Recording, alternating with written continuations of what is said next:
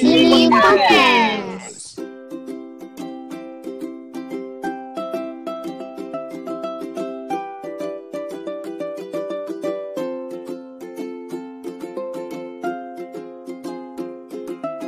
Assalamualaikum warahmatullahi wabarakatuh. Malam guys, jadi malam ini kita kedatangan tamu yang sangat spesial. Perkenalkan, ini dia Abang Baikuni yang ganteng.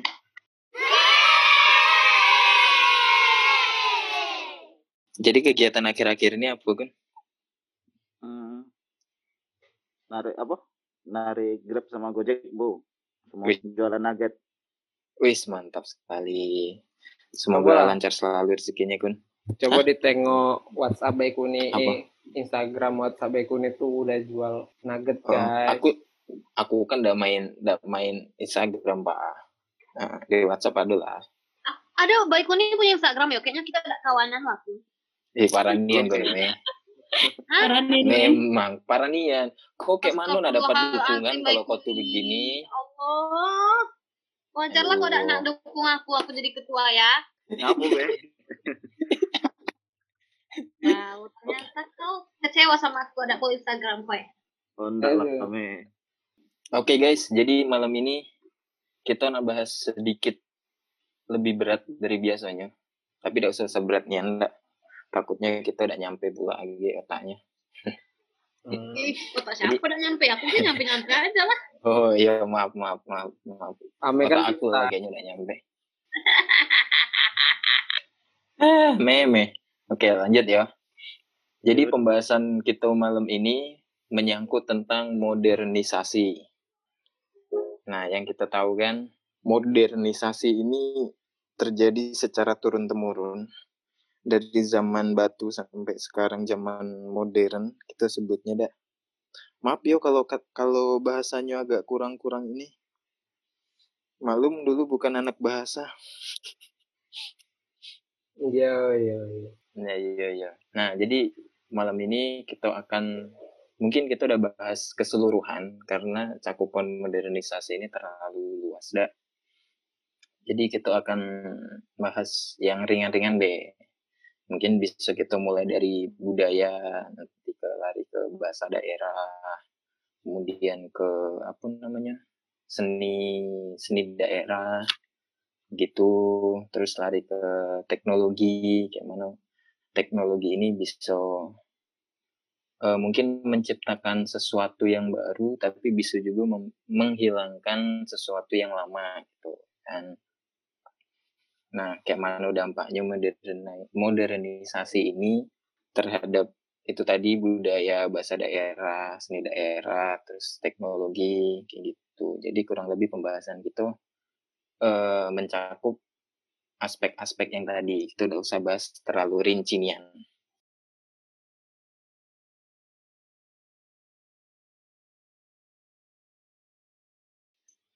ini diperuntukkan untuk kalian semua jadi bisa mungkin nanti bisa dimulai dari baik dulu. Atau dulu atau mungkin dulu untuk menyangka atau memberikan masukan dan pendapatnya.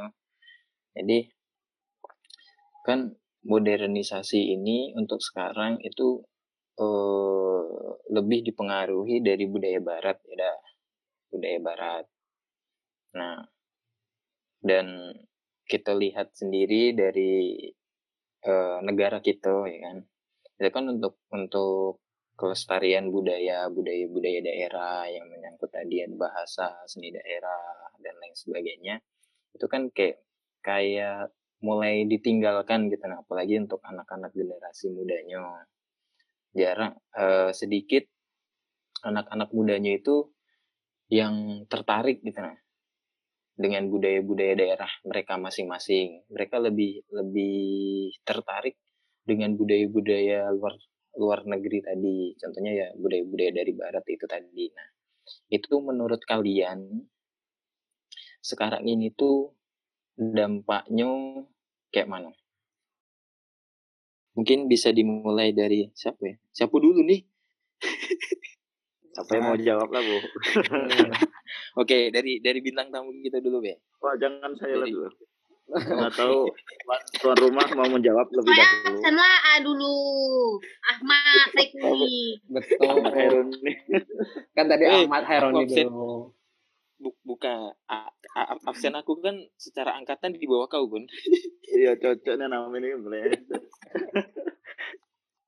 kan Adit kau baru aku Gun Ah, nah gimana Gun Agung dulu, saya nomor tiga, Bo. oh iya Agung dulu bener oh iya Jadi kita nggak ngomongnya absen be sekarang nih. Boleh. oh iya sorry meh sorry meh sorry meh Kayaknya aku absen ke 10 lah, guys. Data juga. jadi Oh, baik ini pending dulu nih oke mulai dari Oza Lah, kata Baikuni dulu. oh baik Halo, ini Baik baik ini Uni. kata pending Saikuni malu. iya Malu. baik ini masih masih ini mbak Kutu, kutu, kutu, kutu.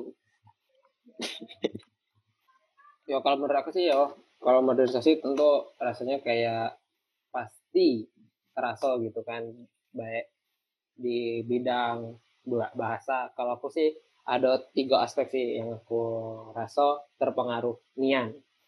Di luar aspek itu mungkin ada juga pengaruhnya, tapi tiga aspek ini menurut aku eh, aku terasa nian. Yang pertama tuh aspek bahasa.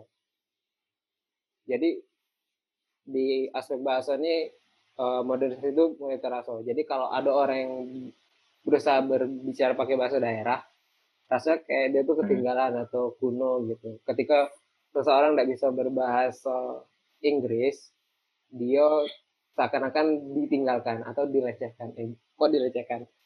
Diremehkan gitu. Padahal eh, faktanya orang yang pakai bahasa Inggris dengan logat daerah gitu. Nah itu juga ternyata dikucilkan gitu. Eh, ini tidak terlalu bagus bahasa Inggris tuh. Jadi orang-orang yang copy paste cara ngomong orang luar negeri bahkan dirasa lebih pintar daripada orang yang sebenarnya lebih mungkin lebih pintar tapi dia ngomong pakai logat bahasa misal kalau kita bahasa Jambi misal kayak how come lah yo gitu kan padahal itu kan sebenarnya adalah bahasa-bahasa yang lebih keren gitu kalau di film-film bahasa Inggris jadi ada orang merasa insecure dengan logatnya dengan cara dia ngomong padahal sebenarnya kalau kita nengok orang luar negeri yang ke Indonesia atau orang-orang yang orang global itu juga ngomongnya tidak tidak sebagus yang kita kira gitu kan Eh, bahasa Inggrisnya kan yang bagus mungkin Ame nih nanti yang nyonten bahasa Inggris bagus kan aku yang jelek-jeleknya gitu kan Eh, Dan itu ah malu aku. Nanti Eh, orang-orang tahu semua. aku I know. itu sesuatu yang pengaruh dari modernisasi di bidang bahasa atau globalisasi ya globalisasi. Terus yang kedua aspek yang kedua pasti ritual. Bahkan aku sendiri kurang tahu ritual-ritual di Jambi mungkin kalau ritualnya aku udah udah bisa ngobrol banyak karena aku juga terpengaruh budaya globalisasi itu terpengaruh. Aku menurut aku budaya-budaya itu tidak diajarkan dengan aku dengan baik Terus yang ketiga aspek teknologi. Nah di aspek teknologi ini menurut aku eh, modernisasi ini merupakan suatu yang sangat nyata terasa. Yang dulunya kita cuman bisa ngomong di wartel, wartel, kayak mana sih ngomong? wartel, wartel, wortel, wartel Wartel. wartel Oke, warung telepon. Telepon. telepon Nah itulah pokoknya di dulu kita ngobrol cuman bisa di satu tempat di di define tuh. Tempatnya itu ngomong ke situ gitu kan dari wartel ke wartel wartel ke wartel. Nah sekarang kita bisa tengok cewek. Di mana pun kita bisa nelpon orang. Bahkan di WC kalau memang kawan-kawan mau nih kawan mau lagi di WC lagi sakit perut misalnya cuman sakit perut dan mungkin mual gitu. Bisa nelpon ke dokter juga bisa langsung gitu. Itu salah satu menurut aku tiga aspek itu yang sangat berpengaruh ya. Modernisasi itu mempengaruhi tiga hal itu. Kalau dibilang kayak mana keadaannya itu baik atau buruk, kita harus nengok lagi nih. Nengok lagi di aspek-aspek tertentu. Nengok lebih dalam lagi kebermanfaatannya. Ada yang manfaatnya lebih besar, ada yang mudaratnya lebih besar. Itu sih menurut aku guys. Gitu. oke mantap Bang Bayi udah ada yang ingin disampaikan atau kita lari ke calon ketua dulu Penyampaian visi misi lah kalau calon ketua. Oh jangan dulu. Kalau visi misi itu agak dulu. Agak dulu. Age, Age ini larinya kita jadi tim ses lagi ini bahas-bahasnya. Nah ya, di grup ini tidak bisa ada yang bisa jadi tim ses. Nah, stop ngomong-ngomong ketua-ketua. Sakit. Oke, lanjut. Laju laju kan. Oke, oke. Hmm, Jadi kayak mana Bang Bay? Ada yang udah ingin disampaikan? Atau kita coba lari dulu? Lari dulu. Lari kok deh, Bebe lari. Aku udah nak lari. Capek lari malam-malam ya, men. Wih, lari malam habis itu nyenyak tidur nih. Yuk. ah, bisa sih sedikit nyambung dikit dari yang dari Oza tadi, Bo. Gimana?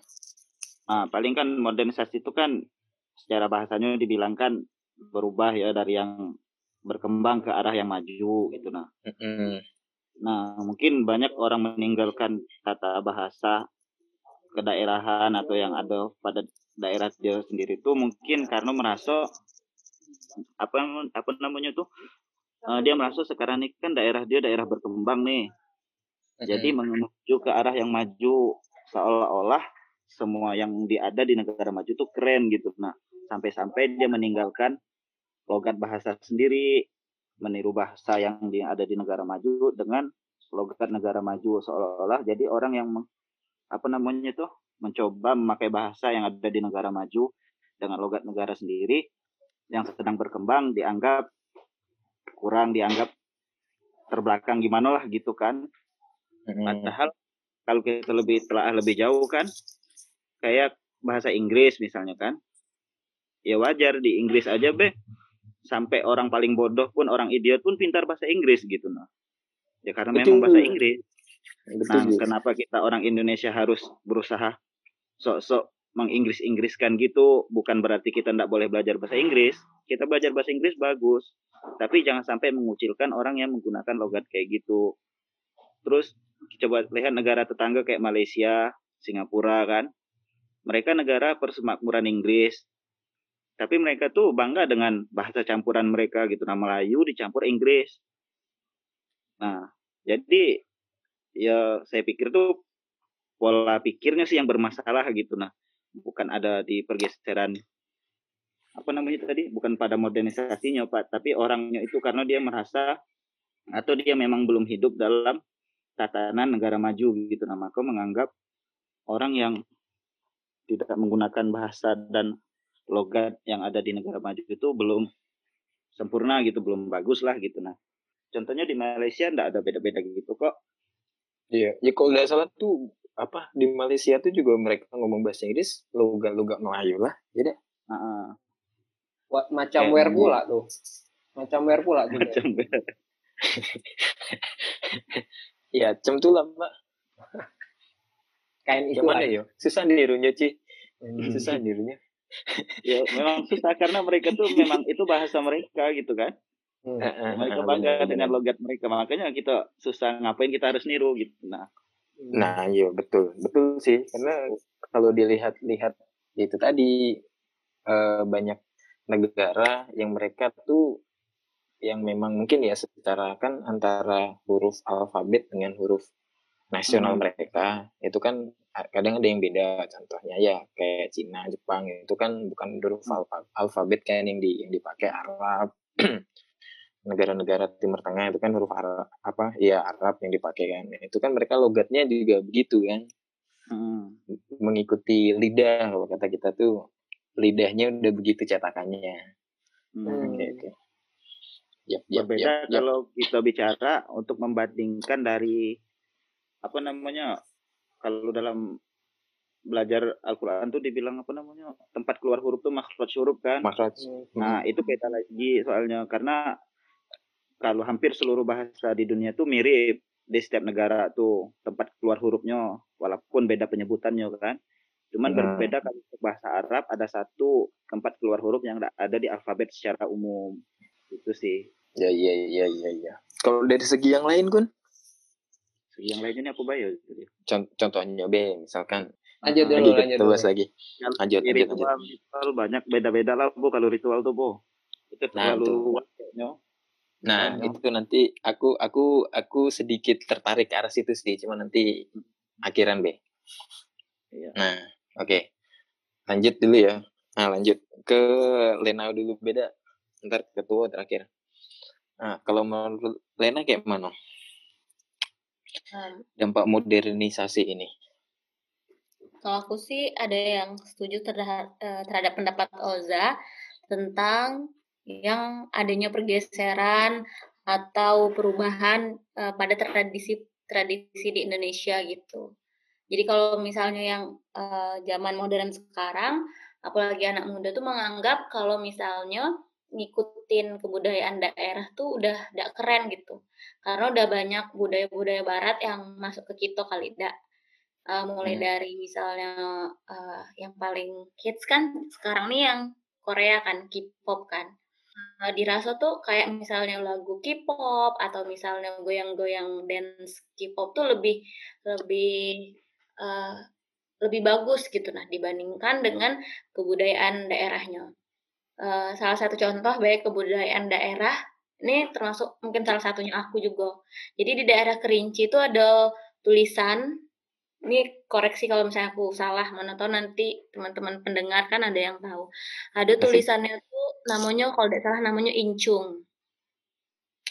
Nah itu Hmm, udah hmm. mulai eh, udah mulai eh, orang-orang tidak tahu karena masyarakat yang merasa tidak mau tahu gitu nah karena menganggap belajar tulisan itu tuh udah keren jadi Incung, penulisan incung itu apa nah? Benar sekali itu, Len.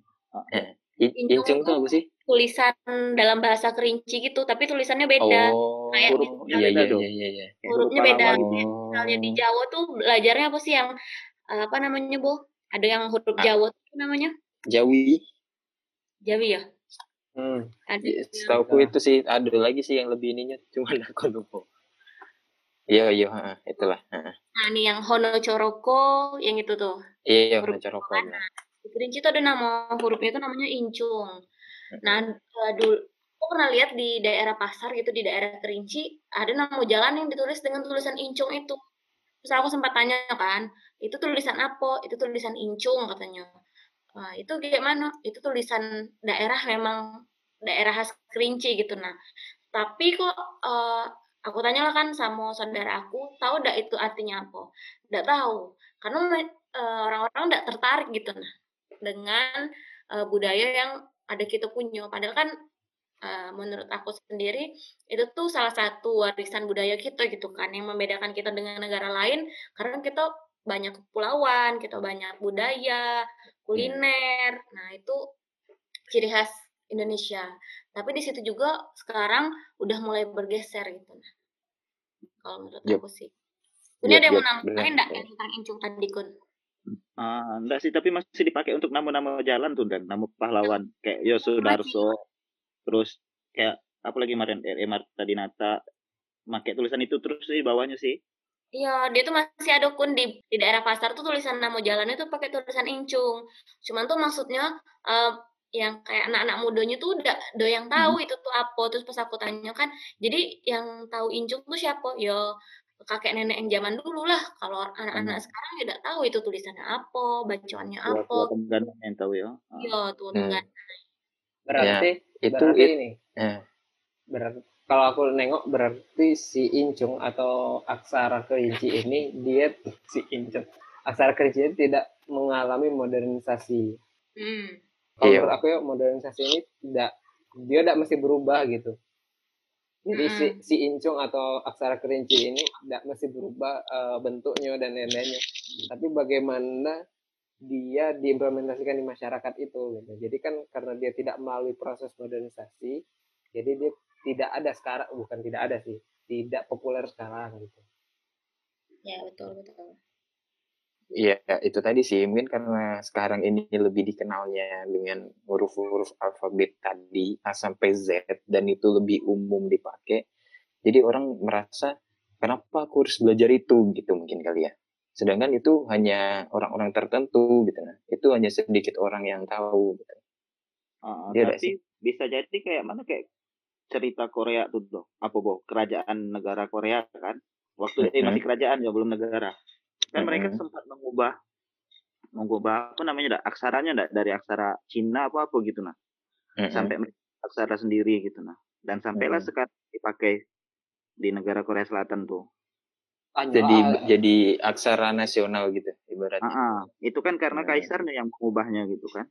Jadi seluruh masyarakat diwajibkan menggunakan aksara baru gitu nah. Mm-mm.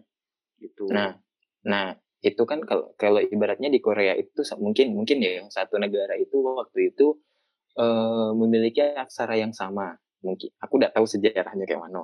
Nah, sedangkan nih misalkan Indonesia Indonesia dari Sabang sampai Merauke itu kan memiliki ini sendiri-sendiri gitu ya Kun. Misalnya Mm. di Sumatera itu udah ada berapa berapa aksara ya kan. Di Pulau Ah. Jawa itu biasanya yang yang aku tahu tuh eh, Sunda sama Jawa itu biasanya beda ya kan. Hmm. Terus di Kalimantan ada lagi Sulawesi dan di Papua ada lagi. Nah itu kan untuk untuk ibaratnya untuk membuat satu aksara sendiri itu agak susah deh sih. Nah Hmm. akhirnya dipakailah bahasa bahasa Indonesia itu untuk menyatukan. Nah berarti kan di sini kudunya sih kalau menurut aku ya kudunya Hmm. mungkin eh kalau dulu dulu aku waktu masih SD jadi ada eh, sepupu aku dia pindah. Jadi pindah dari Jawa ke Sumatera ya kan? Dari Jawa ke Jambi. Nah Hmm. waktu dia pindah itu waktu pindah itu nah dia bawa buku. Buku itu yang masih masih mempelajari itu tadi bahasa Jawa tadi yang Honda Coroko itu tadi. Nah terus aku tanya kan waktu itu aku tanya memang di mana namanya di Jawa masih belajar beginian. Iya masih masih diajarin begini gitu. Cuman kayaknya kalau dilihat dari sekarang itu udah nggak ada lagi gitu nanti berarti kan itu ya, sempat iya mungkin mungkin muatan lokal lah mulok ya kan. Nah mungkin itu dulu sempat diajarkan. Cuman kalau dibilang kan berkembangnya kurikulum nah bisa jadi itu nggak diajarkan lagi sekarang jadi agak agak agak kayak mana ya? Ya bingung sih. Karena kita anak sekarang ya kan? Sebenarnya kita pengen belajar eh, tentang aksara-aksara lama cuman medianya agak kurang. Tapi ini nih uh, sebelum masuk ke Ama aku ada sesuatu yang salut yang dilakukan oleh Jepang mungkin. Terus ada Mesir terus ada Korea yang punya aksara-aksara yang kita kenal sekarang mungkin China Hmm. terus ya yang lain-lain juga mungkin yang yang aku udah tahu tapi kita kenal gitu. Nah yang udah aku sebutkan tapi kita tahu. Nah eh, di bahasa Jepang tuh aku eh, merasa luar biasanya yo eh, di de- di komik detektif Conan gitu. Jadi ada langkah-langkah modernisasi yang dilakukan mungkin di Jepang ketika dia detektif Conan tuh sebenarnya permainan kata-kata gitu. Banyak permainan kata-kata. Dia bilang ada hiragana ada katakana dan lain-lain gitu. Sehingga untuk memecahkan kasus itu kita harus ngerti itu tentang hiragana. Untuk memecahkan kasus itu harus ngerti tentang katakana beda hiragana dan katakana dan lain-lain sehingga secara tidak langsung eh, bahkan aku pun belajar gitu tentang hiragana dan katakana dari baca komik baik baca komik Conan. Sedangkan pelajaran di Indonesia ya kita maaf nih aku merasa terlalu menganggap kalau belajar itu ada di kelas gitu terlalu menganggap kalau belajar itu harus buku terus mantengin. Padahal sebenarnya ketika kita berkomunikasi kita terus belajar gitu. Baca komik pun sebenarnya belajar. Bahkan melakukan sesuatu yang tidak bermanfaat pun kita belajar sebenarnya. Kita belajar tentang uh, ketidakbermanfaatan aktivitas itu. Menurut aku sih uh, harus ada cara sih. Kalau masalah aksara nih harus ada cara untuk uh, kita bawa aksara itu ke permukaan lagi gitu. Betul betul. Eh, kalau dari ini ketua AMA ada kesan pendapat yang ingin disampaikan? Nah, sih pertanyaannya. oh maaf suaranya kurang meh. Semangat dikit meh. Tahu nih. Suaranya kurang. Kurang apa? Kurang jelas Nah. tadi. ini baru nah jelas. sekarang mantap. Nah, kalau menurut aku ya kamu bayar sih bahasa tuh emang sekarang tuh orang lebih banyak menggunakan bahasa luar, lebih tertarik menggunakan bahasa luar. Seperti itulah ya. aja yo. Iya sih, kan oh itu Korea jadi aku belajar bahasa Korea dan aku tertarik untuk bahasa Korea.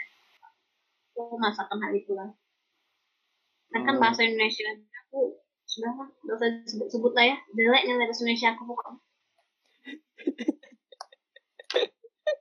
Janganlah gitu mah. ya seperti kan itu anak- lah Iya, kau kan anak daerah sejati mah. I Anak am Jambi sejati. aku aja ngomongnya I am sudah lah emang dasar aku yang gege Eh, tapi tuh katanya kau tuh menguasai suatu daerah mah kalau kau ke suatu daerah orang tuh bakal takut dengan logat kau gitu katanya sih kata siapa Yo. Katu, ke- aku waktu itu juga pernah dengar sih kayak gitu sih, Mei. emang aku ngomong gitu rumor yang beredar Mei. Mm-mm. Jadi kau tuh datang ke daerah itu dengan membawa ciri khas kau, wah, kau bisa menguasai wilayah tersebut, Mei. aku nggak kayak gitu lah kayaknya Dan- tapi aku tuh emang gitu karena sudah terbiasa menggunakan bahasa Jambi jadi walaupun aku kuliah di Jakarta pun aku tuh jadinya terbiasa deh ngomong sama kawan-kawan aku tuh pakai bahasa Jambi jadi kawan-kawan aku tuh ngerti bahasa aku gitu walaupun Hmm. aku tinggal di Jakarta tapi aku logatnya tetap aja pakai logat Jambi Nah, kayak apa nih yang perlu dikembangin? tapi Nah. kau wow aku dikembangin tapi Dibudidayakan. kau kayaknya di Jakarta lebih banyak pakai bahasa Inggris gak sih meh itu karena aku di kampus pakai bahasa Inggris ya hmm. kampus aku kan internasional gitu kan Hmm. Jadi kan mau udah iya, mau iya, gitu loh pakai bahasa Inggris ya ngerti lah ya. Hmm. Nah tapi ya kayak gitu. Kalau dalam kalau kalau kuliah ya aku pakai bahasa Inggris. Tapi kalau misalnya aku selama sama kawan-kawan, kalau sama kawan akrab itu tuh biasanya tuh aku tuh pakai bahasa Jambi aja lah gitu nah woi. Jadi kawan-kawan aku tuh karena mungkin lucu kali ya bahasa Jambi itu karena pakai o o o di belakangnya tuh. Jadi kadang kawan aku tuh ngomongnya tuh pakai bahasa Jambi juga gitu nah. Kayak mana ma gitu-gitu. Jadi tuh aku ngerasa aku karena mungkin juga bukan aku sendiri yang orang Jambi di kosan aku misalnya di kawan kampus aku tuh orang Jambi tuh ada sekitar ada empat orang nah jadi tuh kami antara kami ini sering ngomong pakai bahasa Jambi gitu nah jadi kawan-kawan kami yang lain nih dengar tuh kayaknya kalau ngomong pakai bahasa Jambi itu kan ngomongnya tuh cepet gitu nah Hmm. terus tuh belakangnya Hmm. kan pakai o o o o gitu jadi orang tuh kayak ngerasa lucu aja gitu nah menarik tuh entah lah ya itu bisa dikategorikan menarik atau tidak tapi yang pasti itu tuh lucu Hmm. interesting lah yo bisa jadi lah ya jadi akhirnya kawan-kawan aku tuh walaupun mereka tidak menggunakan bahasa Jambi tapi mereka ngerti aku ngomong apa gitu. ya seperti itu sih kalau aku Keren sih. Jadi dari beberapa yang aku tangkap tadi, emang kebanyakan sih dari kita mengkhawatirkan tentang bahasa dah.